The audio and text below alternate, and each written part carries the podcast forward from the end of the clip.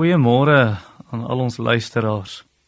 Ek wil vir ons die woorde van Jesus lees in Matteus 6 vers 19 tot 21 waar hy sê moenie vir julle skatte bymekaar maak op die aarde waar mot en roes verniel en waar diewe inbreek en steel nie.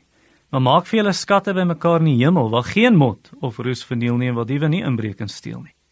Want waar julle skat is, daar sal julle hart ook wees. As jy vandag werk toe gaan of by die skool of universiteit is of jy luister die radio of jy kyk televisie of jy lees die koerant, moet jy versigtig wees want daar's 'n dryf en 'n versoeking in die samelewing om jou te versoek om meer en meer te wil hê, nuuter en beter. En as jy dan nou hierdie produk het vir 'n paar maande of vir 'n jaar, dan sê hulle, nou kort jy 'n beter een of 'n nuwer een. Of as jy dit nie kan bekostig nie, sal iemand jou help om skuld te maak wat jy nie kan betaal nie. Nou wanneer ek hierdie dinge sê, moet jy asseblief nie die fout maak om te dink dis 'n sonde om ryk te wees nie. Die probleem lê nie by rykdom nie, maar eerder daarby dat die versoeking kom om geld te aanbid. Die probleem kom as geld jou gedagtes en jou lewe oorheers en mense begin daaroor beklei, soos Jesus net 'n paar sinne verder sê dat ons nie God en Mammon of God en geld kan dien nie. In C.S. Lewis se woorde: Die probleem lê nie by groot huise en mooi karre nie, maar by groter huise en mooier karre wanneer ons daai dryf het.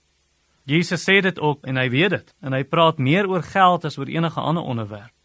Jesus weet geld is 'n baie goeie slaaf, maar 'n baie slegte meester. En hy weet dat ons maklik in die struik trap om rykdom te aanbid. Ons word versoek om te lewe vir besittings of te lewe vir die hier en nou, vir onmiddellike plesier. En die Here weet dit en hy weet dit gaan ons nie gelukkig maak nie. Dit kan nie die leemte in ons vul nie. Net Christus kan die leemte vul. En dis sê hy in Matteus 6:33. Maar soek eers die koninkryk van God en sy geregtigheid en al hierdie dinge sal vir julle bygevoeg word, bedoelende als dit ons nodig het.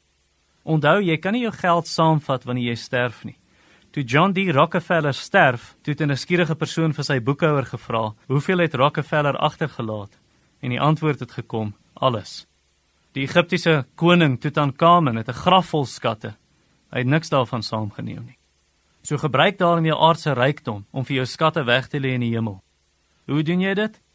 Al soek vir jou die skatkis, die kosbare parel van Jesus Christus. Gebruik jou rykdom sodat mense in die hele wêreld hom kan ken.